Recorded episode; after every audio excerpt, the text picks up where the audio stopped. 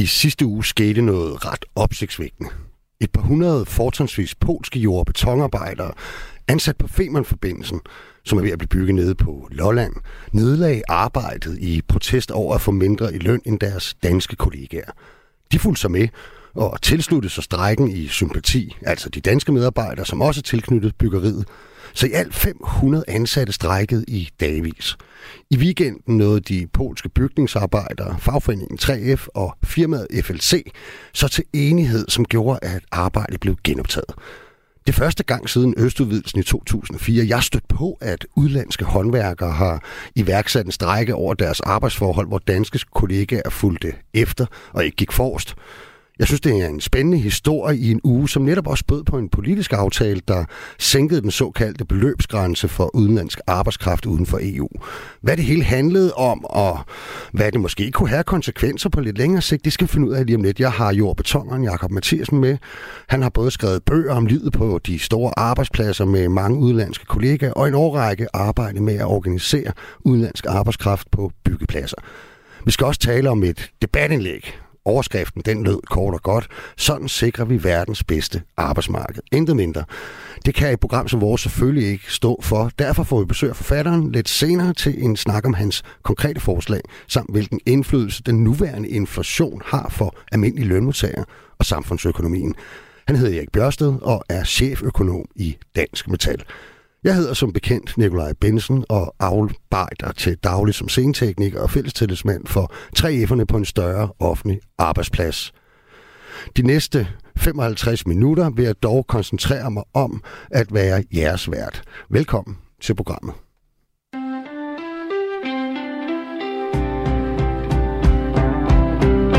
Du lytter til verdens lykkeligste arbejdsmarked med Nikolaj Nu skal vi altså lige øh, have lidt vidnesbyrd om, hvad der er sket nede på Femmerforbindelsen op til weekenden, hvor først et par hundrede polske bygningsarbejdere nedlagde arbejdet i protest over ikke at få det samme i løn som deres danske kollegaer. Dagen efter de havde i gang sat deres strække, fulgte de danske kollegaer altså efter og tilsluttede sig. Så det endte med, at i lørdags der nåede noget man en eller anden aftale mellem de involverede parter og de ansattes fagforening 3F. Og som annonceret skulle jeg meget gerne have dig, Jakob Mathisen, med på en telefon. Jeg kan i hvert fald høre dig, Nikolaj. Jamen det er godt, jeg kan også høre dig nemlig, så det går det vi godt. ud fra, at lytterne også kan. Ikke? Altså jeg fik jo nævnt, Jacob, at du har skrevet bøger og arbejder som jord- og betonarbejder, og været ansat i fagforeningen 3F. Øh, hvad går du egentlig at lave for tiden? Ja, jeg går på dagpenge, du. du så jeg er til rådighed for arbejdsmarkedet non-stop.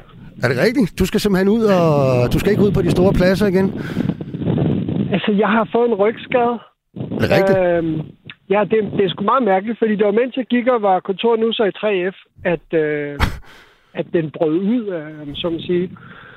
Og så, øh, så blev jeg MR-scannet, og okay. så viste sig, at tre af de der prolapser der, de var helt, helt ødelagte. Jo, det er da, en, øh, det er da ked af at høre, men øh, det viser måske, at det er farligt at, at, at gå på kontor, end man øh, udenbart skulle tro.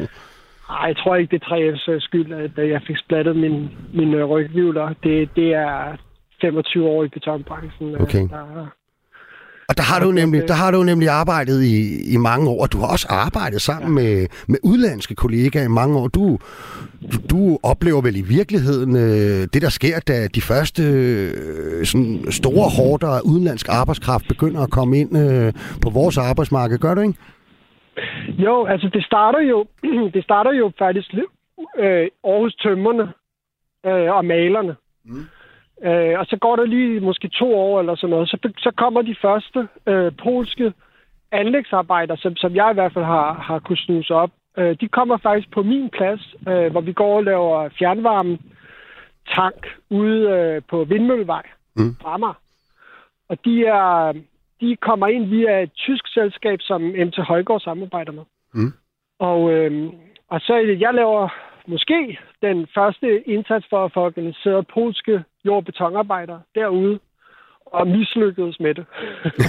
det har du blandt andet beskrevet i din bog øh, Beton i virkeligheden, det der. Ja, ja. ja det er, den, det er den, øh, den historie, som jeg har pyntet lidt på og lavet lidt om og sådan noget, ikke? For, okay. for, alle, for, for at folk ikke bliver udstillet. Så ja. er alle historierne ændret i beton. Mm. Så det er lidt forskelligt. Men det er grundlæggende det, der skete. Okay. øh, derude. Okay, men Jacob, øhm, kan du gøre os det klogere på, hvad det var, der førte til, at flere hundrede polske bygningsarbejdere på Femernforbindelsen, de gik i strække i sidste uge? Jamen altså, det, det, det, det udslagsgivende, øh, der startede strækken, det var, at de øh, fik deres øh, løn, og så, øh, og så var der i tillæg, de mente, de havde øh, fået låning om, det var ikke kommet på lønnen. Mm. Og øh, det havde de gået og ventet på, og ligesom, øh, øh, altså, hvad skal man sige, de havde, på, de havde nok, de havde nok frygtet, at den ikke kom, ikke? Mm. Det tillæg. Og så, øh, og det, det kom så ovenpå, at de også er utilfredse med at få, øh, hvad hedder det, mindre end deres danske kollegaer. Mm. Øh, helt grundlæggende mindre, ikke? Fordi de, de har starter på to vidt forskellige grundlønninger, og så Mm. kan de så få mere ovenpå, hvis de har kvalifikation og erfaring, hvad ved jeg. Og en af forklaringerne for firmaet på det tidspunkt, mens strækken stod på, det var jo det her med, at, at, at- en af grundene til, at de fik lidt mindre løn, det var jo, at de fik øh, deres øh, bolig betalt. De bor i sådan en village øh, nede ved, ved Femern, ikke? Jo, altså det er jo en gammel begrundelse, som, som øh, Årslev øh, også har brugt. De har jo også øh, polakker ansat øh, på identiske kontrakter med, med den kontrakt, jeg fik, da jeg var ansat i Årslev som betonarbejder. Mm. Øh, men med en helt anden, altså med 140 kroner som, som grundløn, og så med de her tillæg ovenpå. Og øh, hvor jeg fik øh, 175, og i dag er det 185, der er grundlønnen for Mm. mm. betonarbejder, danske betonarbejder i Årslev. Og der har Årslev også sagt, at øh, det kun det, det forskellen er det her med, at man bor i de her camps. Mm. Øh, så altså for det første, så var det sådan øh, i Årslev, at der var polakker, der ikke boede i campen. Mm. Og de fik stadig øh, 140 kroner som grundløn. Mm. Øh, og da de rejste over for firmaet, så sagde firmaet, at det, det er dit eget problem. Hvis du ikke vil bo i campen, så, får du, så, så har du selv sagt, at du vil miste de penge. Okay. Og, øh, og de her posekollegaer, det var jo øh, kollegaer, der havde familie i Danmark og sådan noget, så det kunne de slet ikke. Det synes de jo ikke var rigtigt, vel? De ville Mm. selvfølgelig gerne bo sammen med deres børn og, og kone. okay. Øhm, så, så det havde vi en lang diskussion om, da jeg arbejdede i 3F mm. med Årslev om det her. Jeg, jeg køber det ikke. Altså, og hvis du regner på det, så, øh, så bliver det også et alt for stort beløb i forhold til, hvad det er, de får ud af at bo i det der lille skurvogn, de bor i. Mm. De har jo øh, altså 6 kvadratmeter gulvplads eller sådan noget. Okay. Og det betaler de 40 kroner i timen, og de arbejder 55 timer i, om ugen. Mm. Så, så kan man godt regne ud, at, at det bliver sgu en ret høj husleje. Ja, så, så er vi på Radisson-niveau jo næsten. Hvad hedder det? Ja. Hvor, hvor usædvanligt, Jacob, er det, at udlandske arbejdere nedlægger arbejde? Altså faktisk er det ikke helt, sådan, helt uden for, for, hvad vi har set. Det, som gør denne her strække helt anderledes end alle andre strækker, der har været blandt udenlandske arbejdere, det er, at øh, de har holdt ud i mere end en dag, Mm. eller, et, eller nogle få timer. Det er faktisk forholdsvis almindeligt, at udenlandske arbejdere øh, bliver så frustreret over deres arbejdsforhold, at de pludselig nedlægger arbejde. Det skete øh, måske tre gange eller sådan noget på, på Cityringen bare. Mm. Og det er også sket andre tidspunkter, men det går som regel over, jeg tror faktisk, det er fire gange, jeg kan tælle på Cityringen, det er sket. Mm. Øhm, men det går som regel over i løbet af en enkelt dag. Okay. Og øhm, øh, det gør det jo både fordi de har svært ved at holde sammen, og så også fordi, at øh, 3F jo kommer ud og siger, at de skal gå i arbejde igen. Mm. Og, og det er de jo ikke vant til, det der med, at øh, fagforeningen kommer og holder med arbejdsgiveren, og man så må Ja. sige, ikke? Altså, de, man holder jo med overenskomsten, men, men øh, det føles jo sådan. Ja, det skyldes jo fredspligten, og det er en øh, overenskomststridig arbejdsnedlæggelse, der, der det er op, og typisk være pligt sket. til det, og, Ja. ja. og, og 3F skal sgu bare gøre det, altså selvom Mm. folk brokker sig over det, så er der ikke nogen vej udenom, medmindre man vil betale hele sit kontingent til arbejdsgiverne mm.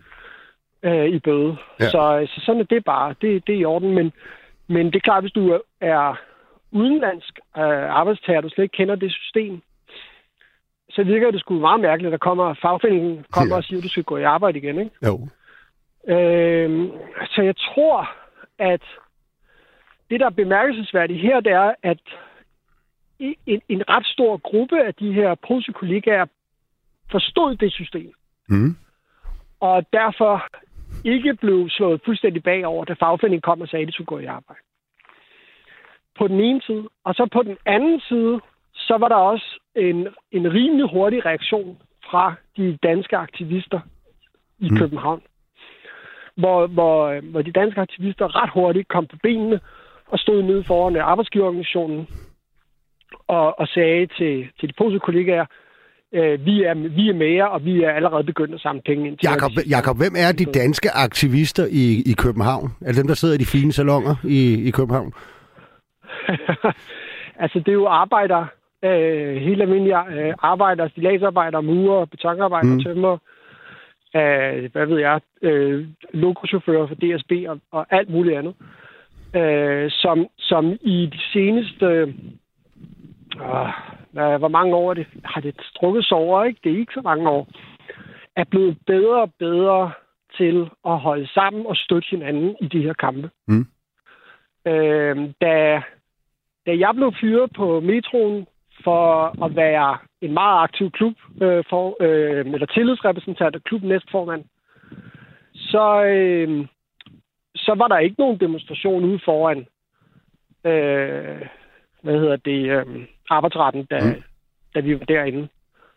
Øh, det, det er der mange danske tillidsrepræsentanter, der har oplevet, mm.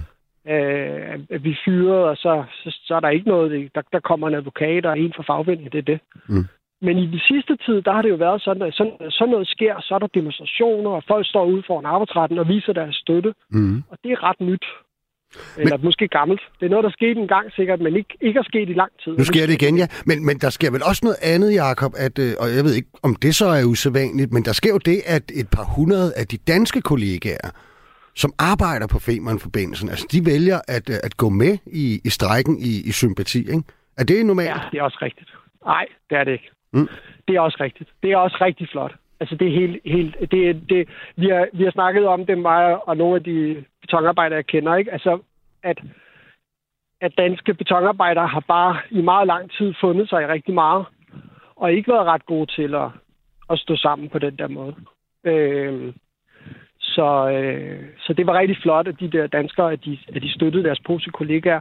Og det, det er jo det er noget, jeg har gået og, og forestillet mig vil ske en dag, mm. at, at polakkerne vil være dem, der kommer til at vise danskerne, hvordan man gør. Okay, ja.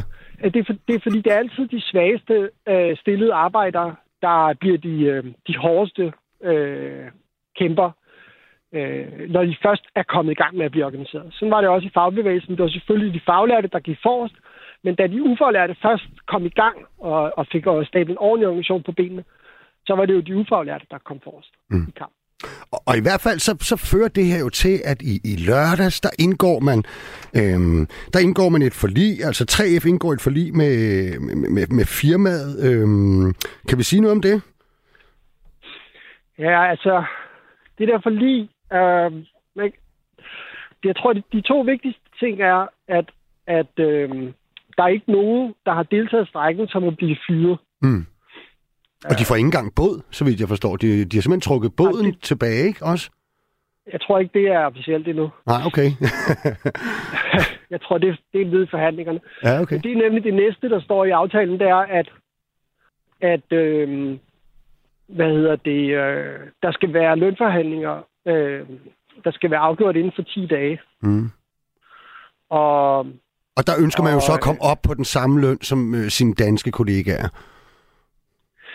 Ja, altså, og det er jo det, der er det store, det store, det store diskussion her. Det er, hvor ender den forhandling, der skal komme nu? Mm. Øh, de har ikke, hidtil har de ikke været specielt lydhør arbejdsgiverne. Og så, øh, så er det selvfølgelig klart, efter at have haft sådan en konflikt, øh, så kan det godt være, at man er lidt mere lydhør som arbejdsgiver, og vil, og vil strække sig længere for at finde en løsning. Mm.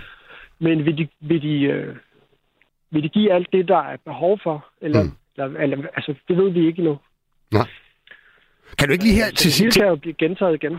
Ja, det, det, det er super spændende. Kan du lige her til sidst, Jacob, fortælle os lidt om, øh, altså, hvordan andre polakker i Danmark har reageret, øh, og, og, og, og hvordan de ligesom har hørt om strækken øh, rundt omkring. Ved du noget om det?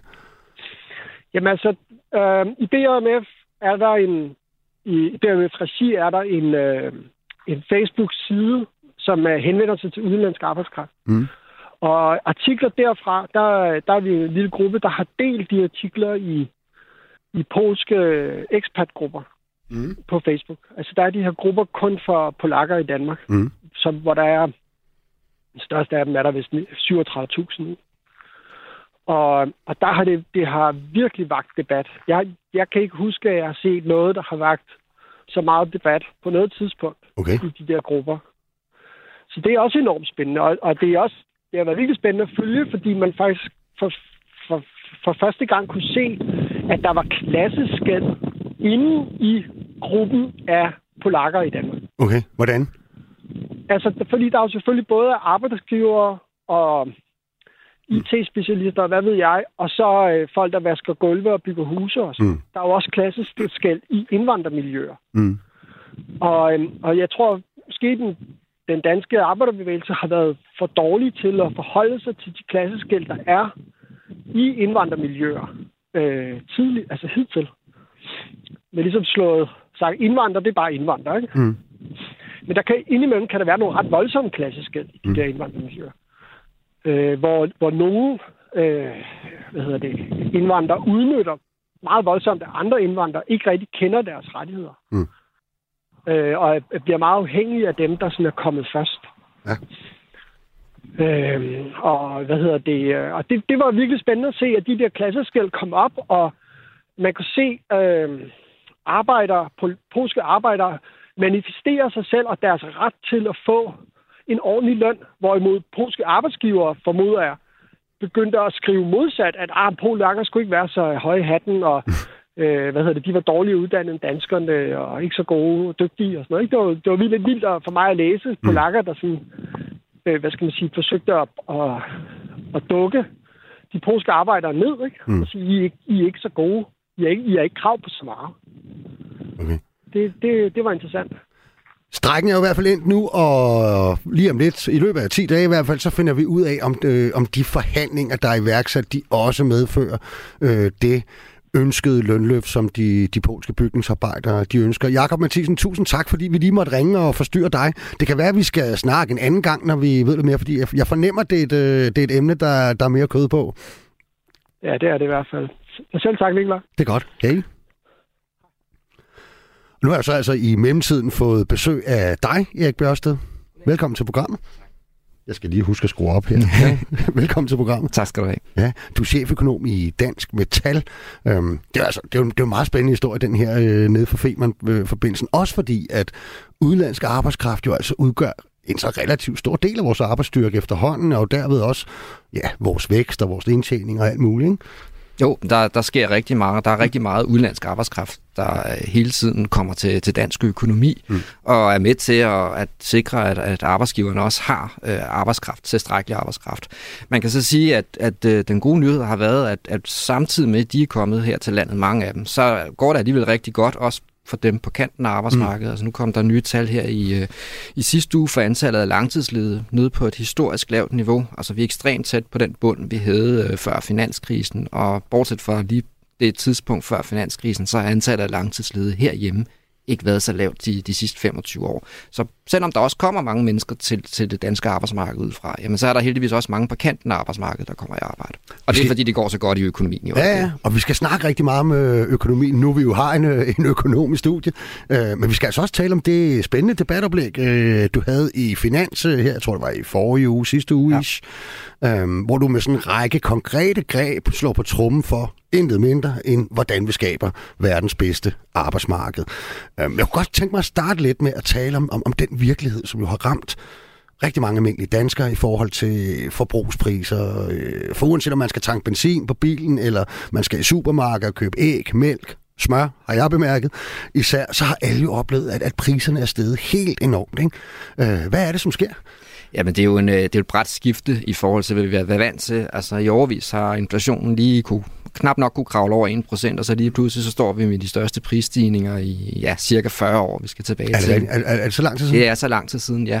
Det er også derfor, det er så voldsomt. Altså, man kan sige, der er flere forklaringer bag. Altså, et er, at øh, vi på bagkanten af coronakrisen har set en, en meget kraftig genopretning i økonomien. Det er gået meget hurtigere med at genoprette økonomien, end man egentlig havde regnet med. Det har jo skabt nogle forsyningsproblemer.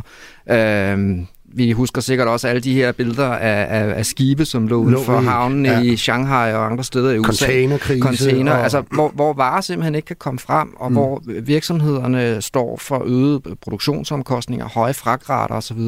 Og på et tidspunkt bliver det jo selvfølgelig også væltet over de priser, som vi skal betale, mm. øh, når, når vi øh, går ud og handler. Mm. Øhm, så er der jo så også andre faktorer. Så, så har øh, krigen i Ukraine selvfølgelig også været med til at skubbe på. Øhm, Hvordan?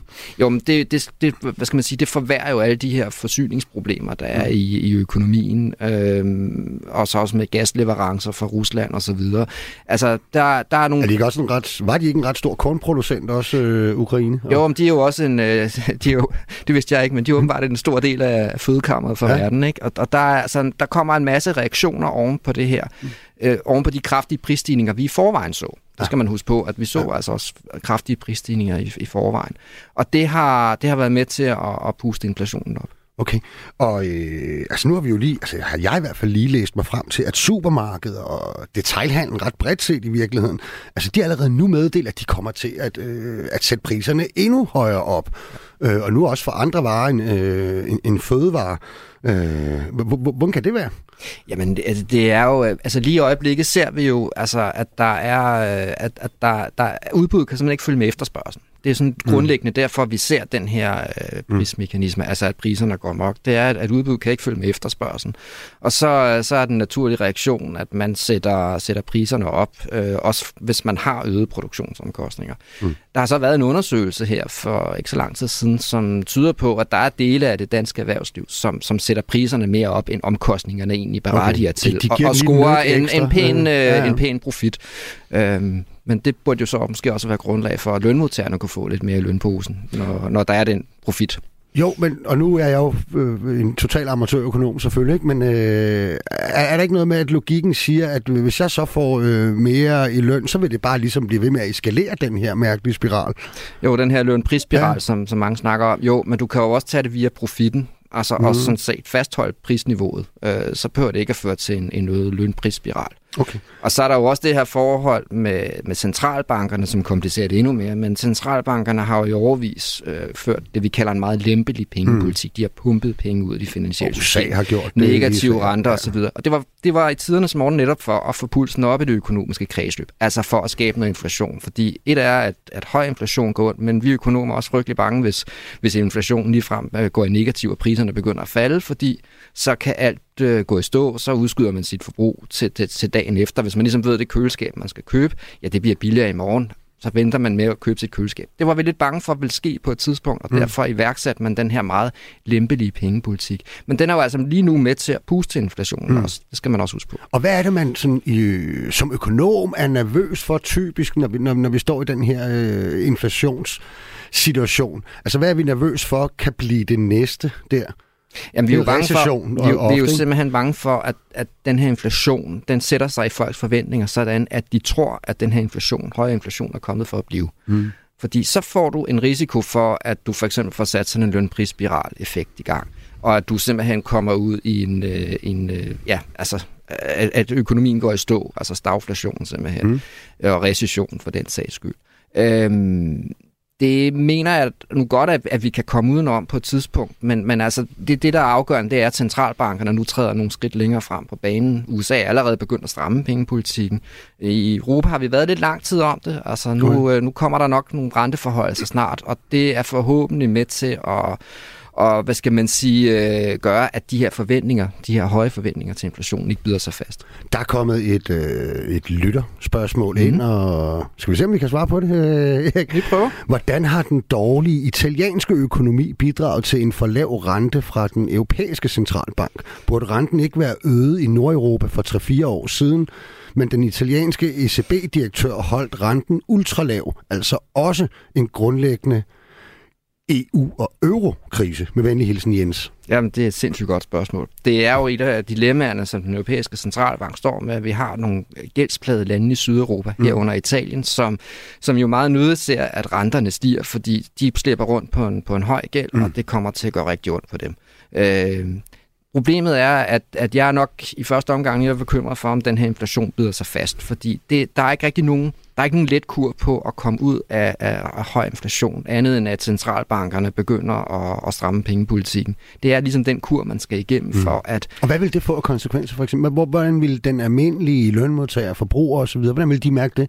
Om de vil jo mærke det konkret, når de skal ned i banken og, og låne, og låne til, ja. til, til et hus eksempelvis. Eller på de lån, ja. de har måske, ja. hvis de har og, og det kan også godt have nogle afledte, altså nogle, nogle, hvad skal man sige, negative effekter på boligmarkedet i form af faldende boligpriser. Især hvis man er tvunget til højere rentestigninger, mm. end man egentlig allerede regner med, der kommer. Mm. Så kan det godt øh, betyde, at øh, vi kommer til at se nogle prisfald øh, på boligmarkedet, for eksempel her i København. Okay, hvis vi vender blikket mod øh, Danmark, altså ikke, hvordan synes du så, at dansk økonomi står til at, øh, altså hvordan står vi rustet til at, øh, at håndtere den her øh, inflationskrise? Jamen, det er jo sådan lidt op eller hvad skal man sige, det paradoxale ved den her situation, at, at dansk økonomi står ekstremt stærk. Vi mm. har en meget stærk konkurrenceevne. Vi, øh, vi også, altså danske virksomheder er selvfølgelig udfordret af det her med stigende energipriser, men vi er blandt de bedste i verden til at udnytte den energi, vi trods alt har til rådighed. Mm. Vi er meget energieffektive.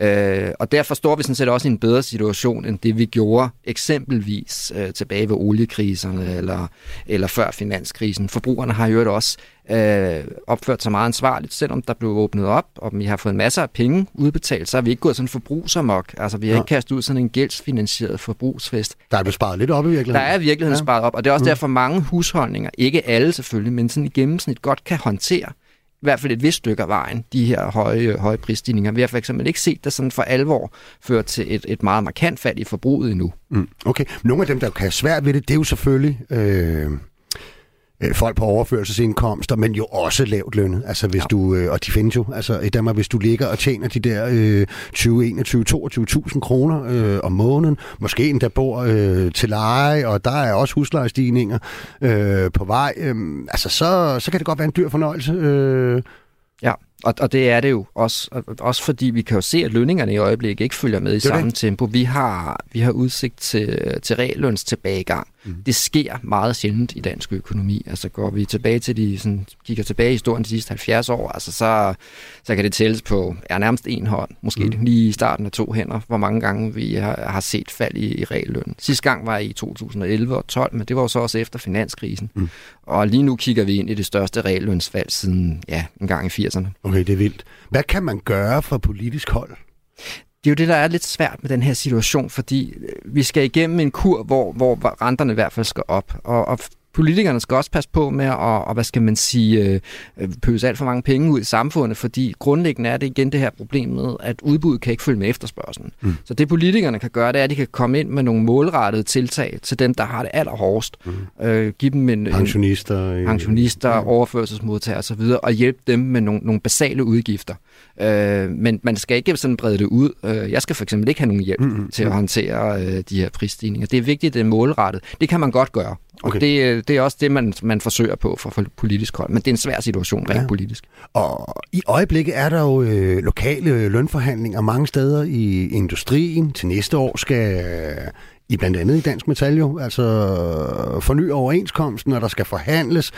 Der er jo ikke til at vide nu, om vi er ude af den her inflationskrise, men hvis vi er, så er vi nok blot lige kommet det i virkeligheden. Ikke? Øh, hvad tror du, det kan få af, eller hvordan kan det præge hele, hele den forhandling? Fordi der er vel øh, stadigvæk ude blandt almindelige lønmodtagere en forventning om, at når nu jeg tror, i sted læste jeg, at, øh, at man som almindelig lønmodtager skal forvente, at øh, hvis du fastholder dit normale forbrug, så er det altså omkring over 30.000 ekstra om året, altså du skal have op af lommen det er jo en chat penge sidst på måneden. Øh, vil det naturligt ikke være, at almindelige lønmodtagere, også i Dansk Metal, de siger, vi skal simpelthen have nogle øh, gedigende lønstigninger øh, for at kunne imødestå det her? Jo, men det, det vil der være krav. Det er der ingen tvivl om. Øhm, og det hører så også med til historien, at, at, øh, at vores konkurrenceevne er så god, så vi kan godt tåle højere lønstigninger, end vi har set de senere år. Mm. Vi kan også se, at øh, virksomhederne har haft en stigende overskudsgrad. De øh, får nogle ret, har nogle ret pæne profitrater, så der er noget at give af til, til lønforhandlingerne. Man skal også huske på, at, at de danske lønmodtagere i en række år faktisk har været lidt tilbageholdende med og, og gå ud og, og, og kræve en højere løn. Altså når man ja. ser på det, der hedder produktivitetsstigning, altså hvor meget der bliver produceret per, per team, så er sådan en tomfingerregel, at lønstigningerne skal følge med produktivitetsstigningen. Mm. Det er sådan et godt, sundt princip. Øh, og så længe det gør det, så, så er det lønstigninger, man godt kan håndtere. Men, men i hvert fald på industriens område har lønstigningerne ikke fulgt med, mm. med produktivitetsstigningen. Og det betyder grundlæggende, at, øh, at lønmodtagerne inden for industrien har fået en mindre bid af kagen, mens vi så omvendt har set, at profitraterne er steget.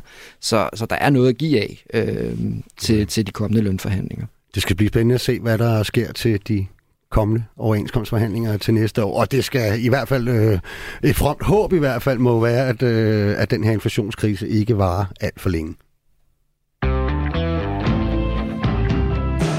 Du lytter til verdens lykkeligste arbejdsmarked med Nikolaj Bensen.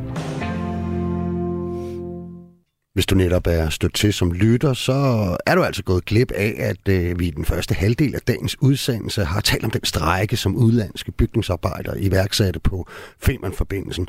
Men fortvivl ikke for alle øh, vores programmer, både denne og alle de tidligere, den kan du altså hente som øh, podcast efterfølgende på Radio 4's app, eller der, hvor du normalt hører din podcast. Jeg har fortsat besøg af cheføkonomen fra Dansk Metal, Erik Bjørsted, vi har talt om den inflation og de prisstigninger på blandt andet fødevarer, som jeg er helt sikker på, at mange af jer lytter også har stiftet bekendtskab med.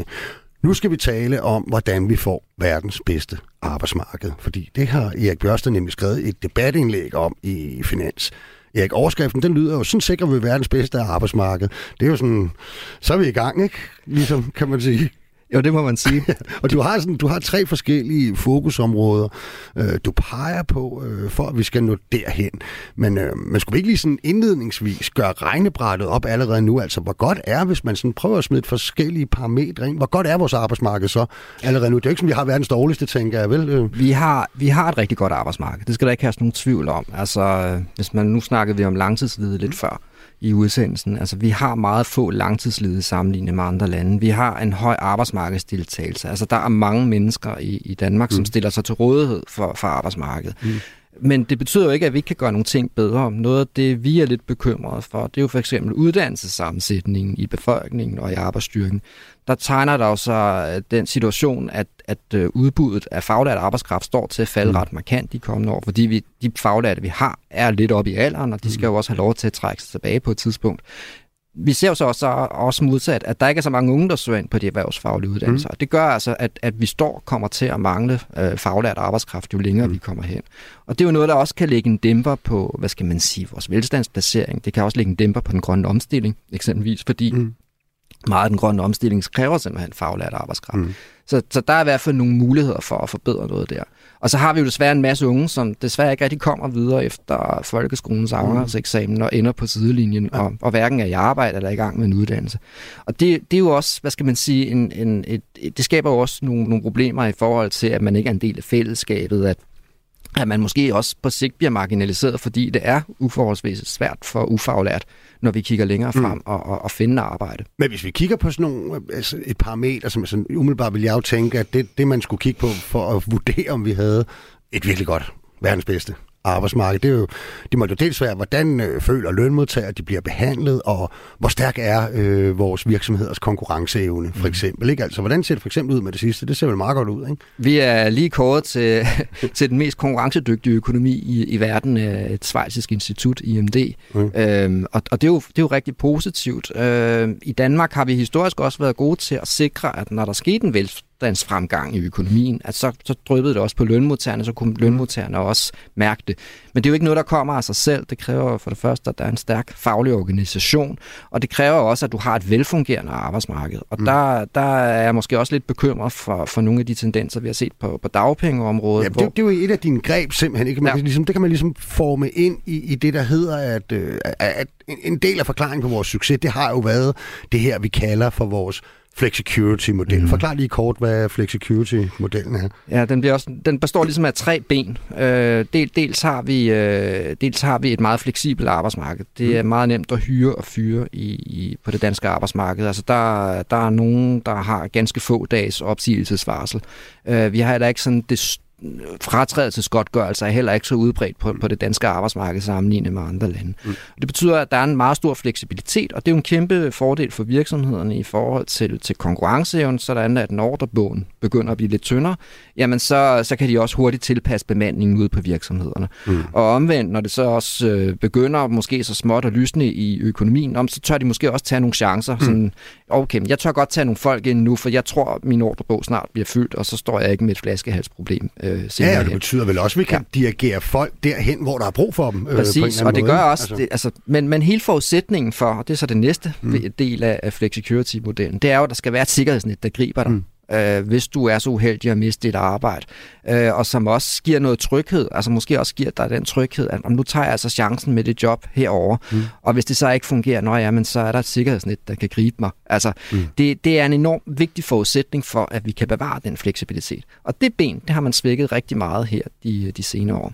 Så er der et tredje ben, og det er den aktive arbejdsmarkedspolitik. Den snakker man ikke så meget om i Danmark, mm. fordi det er aktivering, og der, det, det, det har nok en lidt negativ klang ja. øh, i mangens øh, øjne, og der, der er også kedelige eksempler på, hvad, der er, hvad, der, hvad man bruger aktiveringspenge på. Men, men der er også gode eksempler, og, og det er øh, sådan relativt velbelyst, at, at at når man bruger mange penge på aktiv arbejdsmarkedspolitik, så er det både med til at sikre, at, at, at arbejdsløse kommer hurtigere i job, men det er også med til at sikre en lavere grad af ulighed mm. i, i samfundet. Så, så, så det er et ben, vi også, øh, det må man absolut ikke glemme. Mm.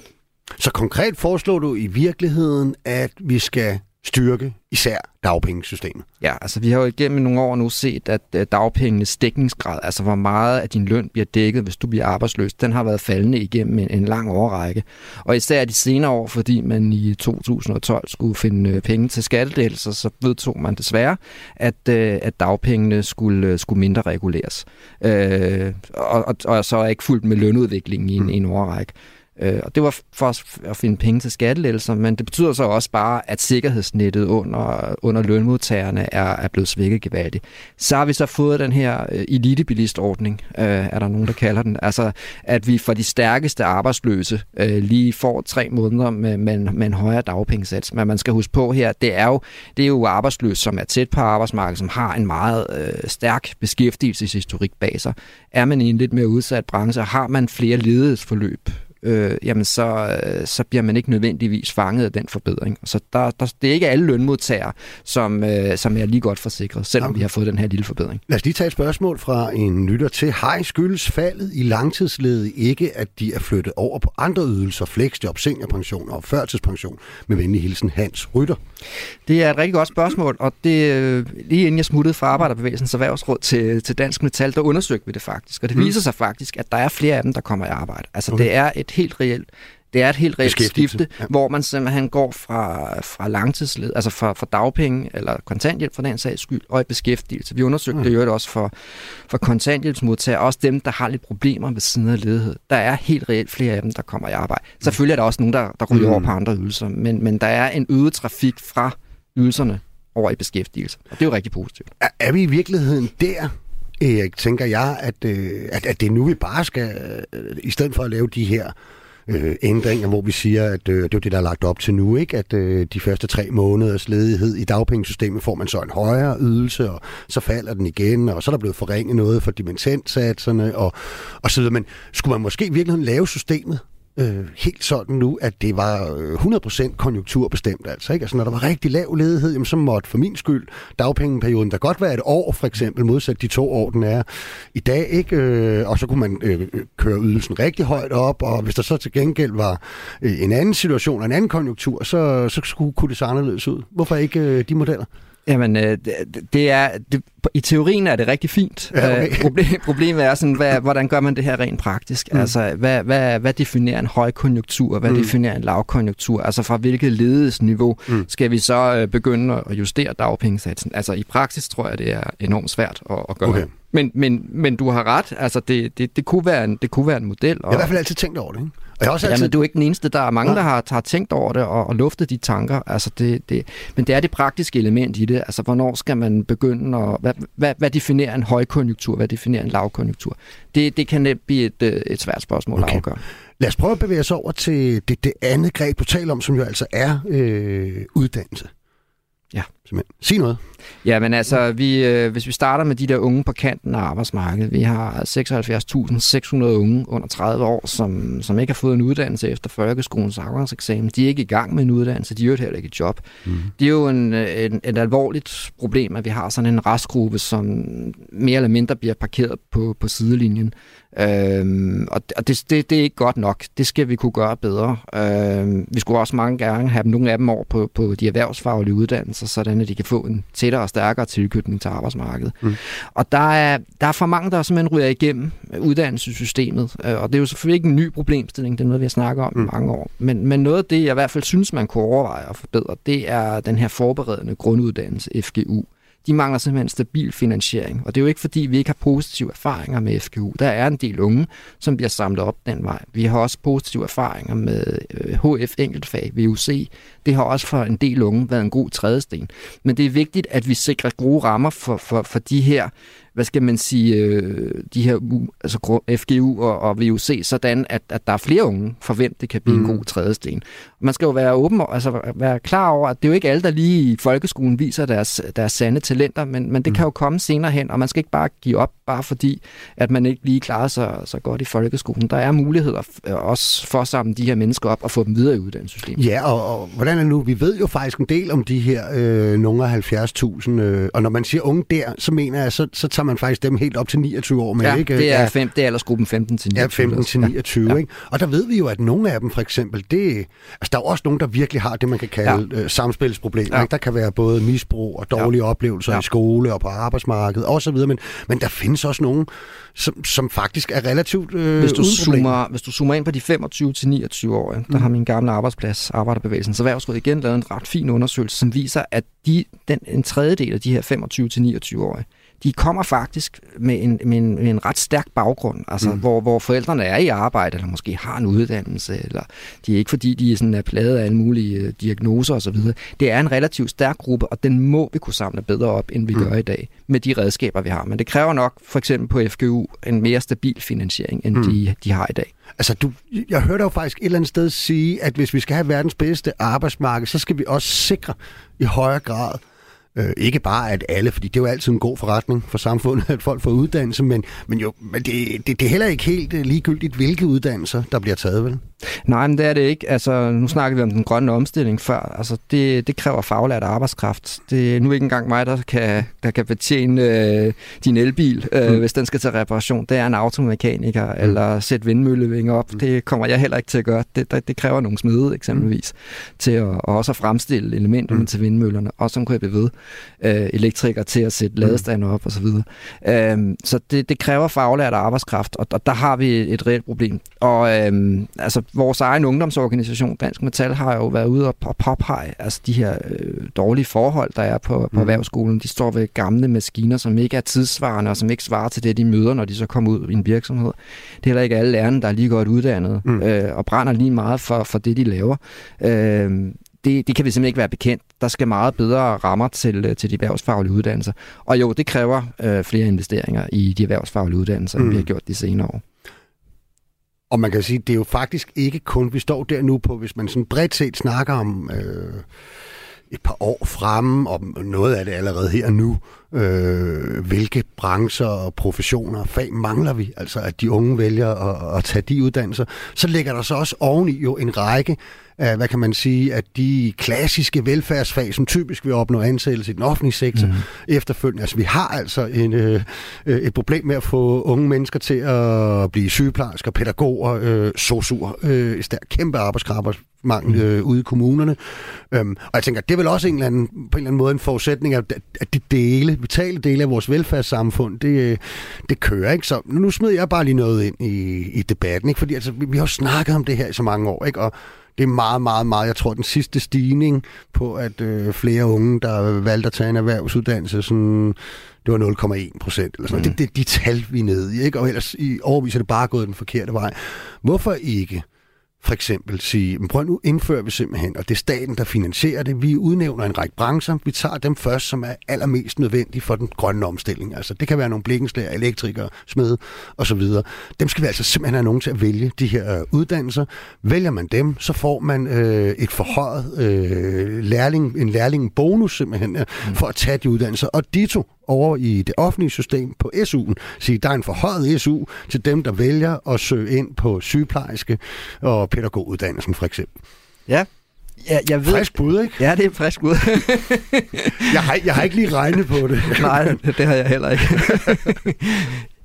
jeg ved ikke, om, om det er den løsning, eller ned ad den vej, vi skal. Altså, jeg, jeg synes, det er afgørende, at man også får nogle mennesker ind, som, som er meget motiveret for, for, for at, at tage de her uddannelser. Noget af det, vi har snakket om lidt i Dansk Metal, det er, skal gymnasierne pinedød være en vej ind til eksempelvis universitetet? Altså, kunne man ikke også godt forestille sig, at der på øh, de øh, gymnasierne, almene gymnasier, simpelthen var nogle praktiske fag, mm. som gjorde, at man måske blev interesseret i at tage en, en faglært uddannelse. Vores egen ungdomsformand øh, har jo en, en meget flot studentereksamen, meget bedre end min, skulle jeg til at sige. Øh, men altså, er jo valgt at gå den faglærte vej. Mm. Vores formandssøn, også øh, gymnasieuddannet, også gået den faglærte vej. Men er der ikke den der sådan hybrid, øh, hvad vi kalder det? Øh, EUX. EUX'en, ikke? Altså, hvor du jo. både tager en studentereksamen og står i lære på jo. fire år så? Jo, øh. jo. Og, og det, det, det skal vi selvfølgelig også styrke meget mere. I min fremtidsversion... Det lyder ekstremt hårdt, synes det, jeg. Jamen, det altså. tror jeg nemlig også, det er. Det er rigtigt. Det er en hård uddannelse, det er der mm. ingen tvivl om.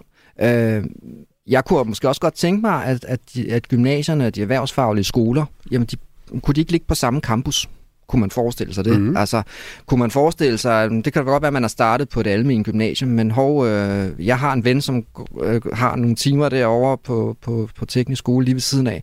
Øh, som, som lyder spændende. Det kunne jeg egentlig godt tænke mig at, at, at, at prøve i stedet for. Altså, at man simpelthen øh, gjorde, gjorde uddannelserne mere fleksible, øh, sådan at man, øh, man måske godt kunne tage det der skifte fra gymnasiet til, til de erhvervsfaglige uddannelser. Mm. Og måske lige så godt øh, en masse praktiske fag også på, på gymnasierne, sådan at de unge også får øjnene op for de erhvervsfaglige mm. uddannelser, når nu de så gerne vil i gymnasiet. Mm. Rigtig tit, når man, og vi har jo diskuteret det mange gange i det her program, når vi debatterer det her med, hvordan vi får unge til at vælge nogle bestemte uddannelser, så på en eller anden måde ender vi nede i folkeskolen, at det faktisk er rigtig tit der, det hele ja. skulle starte. Ikke? Ja. Og det adresserer du også i dit indlæg. Jamen altså, der er jo mange unge, der ikke lige ved, hvad en erhvervsfaglig uddannelse er. Øh, inden for øh, ja, min fagforening har jeg også hørt om historier, hvor, hvor der er unge mennesker, der gerne vil på en, på en erhvervsfaglig skole, men hvor forældrene så bliver kaldt til samtale, fordi hvorfor, hvorfor, hvorfor vil dit barn dog det?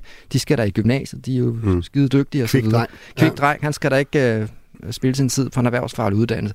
Og det vidner jo om, at der skal ske en, en altså det er virkelig en kulturændring, der skal mm. til. Øh, den kommer ikke fra den ene dag til den anden, men vi skal have, have fortalt tydeligere, at, at en faglært uddannelse er jo faktisk en god vej til gode lønninger godt, sikkert, øh, en god, sikker tilknytning til arbejdsmarkedet. Altså, du har meget lav dimittentledighed, altså lav mm. ledighed blandt nyuddannede faglærte, kontra eksempelvis, hvis du tager en lang universitetsuddannelse på humaniora.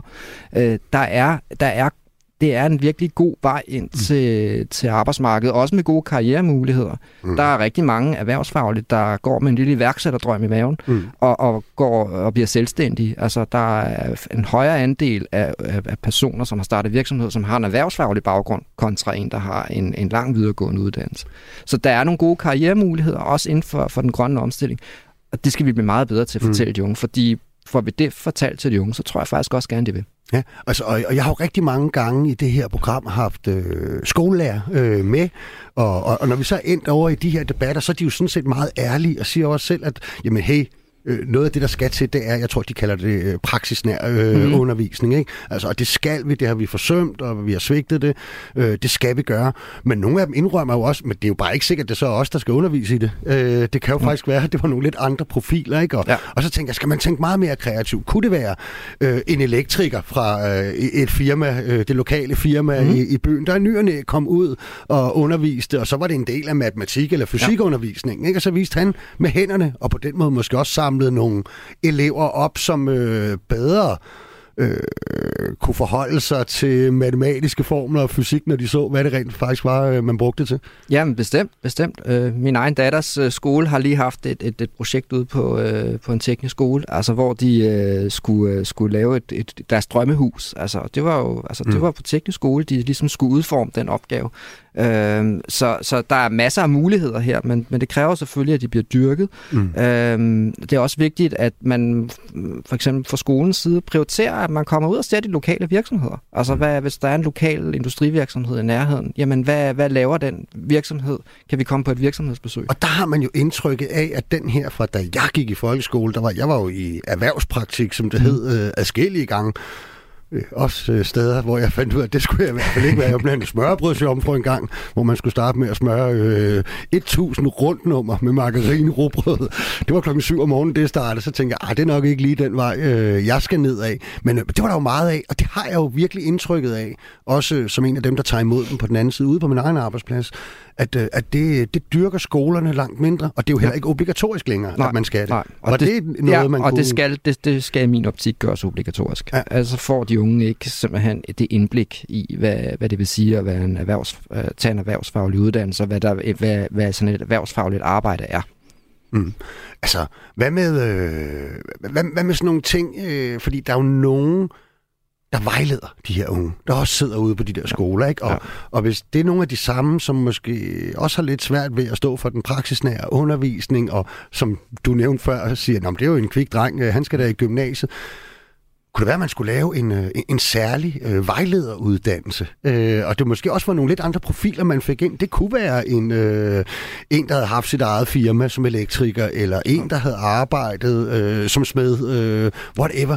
Ja. Så det, de, så det de mødte jeg, nogle andre med nogle andre kontakter. Det og... synes jeg er en glimrende idé. Altså hvis, hvis, hvis alle, der sidder og vejleder, har gået på gymnasiet og ikke ved, hvad en erhvervsfaglig uddannelse er, jamen så, så er det da en rigtig god idé at få nogle andre profiler ind, som rent faktisk ved, hvad det drejer sig om. Ja. Meget bedre, end jeg for eksempel kan stå her og fortælle det. Okay, men jeg synes, det, det er nogle spændende øh, greb, du har lagt ned over det, altså, men, men er vi helt sikre på, at vi har verdens bedste arbejdsmarked, altså alene med de der tre fokusområder? Jeg, jeg synes godt, jeg kan komme på, på noget andet. Nej, vi kan, vi kan finde for mange ting. Vi skal også bekæmpe stress, ikke? For vi skal eksempel. bekæmpe stress, vi skal have bedre arbejdsmiljø. Det der, det, der bør være ambitionen for at skabe verdens bedste arbejdsmarked, du var lidt inde på det før mm. med, at jamen, vi skal selvfølgelig have mange mennesker i, i beskæftigelse, og det er godt for vores velfærdssamfund osv. Men vi skal også have en, sikre en stærk sammenhængskraft i, i landet. Det er vigtigt, at folk har nogle, nogle gode job med et godt arbejdsmiljø, med gode lønninger, som man kan leve af. Det bør være det, der er ambitionen. Ikke bare at skabe et arbejdsmarked, hvor der er mange mennesker i arbejde, mm. men også et arbejdsmarked, hvor vi opnår så lav en grad af marginalisering som overhovedet muligt. Mm. Hvad, hvad vil det sige, så lav grad marginalisering? Jamen det vil sige, så få på, på sidelinjen som overhovedet mm. muligt, altså få langtidsledige, få, altså, hvor, hvor, hvor, man også, hvor man har en høj grad af lighed, altså, mm. og hvor, hvor folk kan leve af deres lønninger, og vi ikke har sådan et working poor arbejdsmarked, er, som der, vi ser der. Er der, ikke nogen, er der ikke også nogle øh, elementer af vores arbejdsmarked, hvor systemerne måske egentlig er der, eller i hvert fald byggestenene er der, for eksempel inden for efteruddannelse og kompetenceudvikling, men vi jo også må være ærlige, øh, at sige, at øh, det er måske ikke altid, at øh, dem, vi ønsker skal tage den efteruddannelse og kompetenceudvikling, de får det gjort ude på, på arbejdspladsen. Nej, og det er rigtigt. Der er nogen, der kommer med nogle nederlag fra folkeskolen, som, som er svære at komme. Men, men mm. vi har også gode erfaringer på, hvis man, man får noget, hvad hedder det, læsehjælp, mm. øh, overkomme sin ordblindhed, hvis det er det, man lider af, jamen så er der altså også muligheder for at, at rykke nogle, nogle mennesker. Mm øh, til, nogle, øh, til et højere uddannelsesniveau, og, og dermed også nogle, nogle, nogle bedre jobs. Mm, her på falderæbet en fin sms fra Claus, der siger, glem ikke muligheden for at være håndværker og senere uddannelser til akademiker eller andet.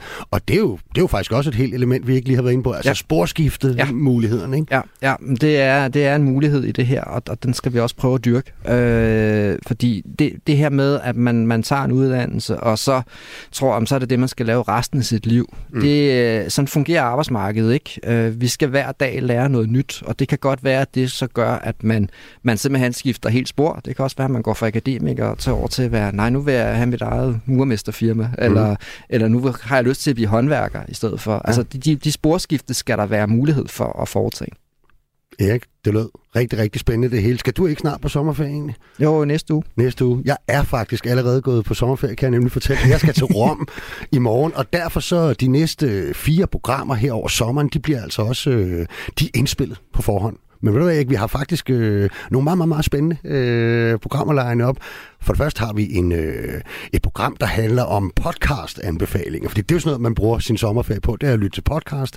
Øhm, så har vi et program, der handler om ordet arbejdsglæde. Det er jo enormt vigtigt øh, for mange danskere, og det står egentlig okay til med den, men jeg dykker rigtig meget ned med, med en, der ved enormt meget om det øh, i et program. Så har jeg allerede i næste uge øh, øh Billy Adamsen, ham som øh, blev udnævnt som Danmarks første spindoktor, hvor der mange, der mente, han var, men han har altså også forsket enormt meget i begrebet arbejdsglæde. Små arbejdsidentitet, og det taler vi om øh, i næste uge. Og så, sidst men ikke mindst, så øh, skal vi tale om Paul Smits bog, øh, Ulve, klæder og sporskifte, som ligesom er fagbevægelsens historie siden 1998. Så det bliver rigtig, rigtig spændende. Ikke? Jo, det bliver rigtig godt. Ja, og Erik, tusind tak, fordi du ville deltage i det var så lidt. dagens program. Også tak til jer, der lyttede med derude. Som I kunne høre, så er vi altså tilbage igen, godt nok forhåndsindspil, i næste uge og de næste mandag, samme tid og sted. Verdens lykkeligste arbejdsmarked, det er produceret af Rakkerpark Productions for Radio 4. Og dagens program, det var tilrettelagt af Julie Lindhardt Højmark. Tak for nu, og god sommer.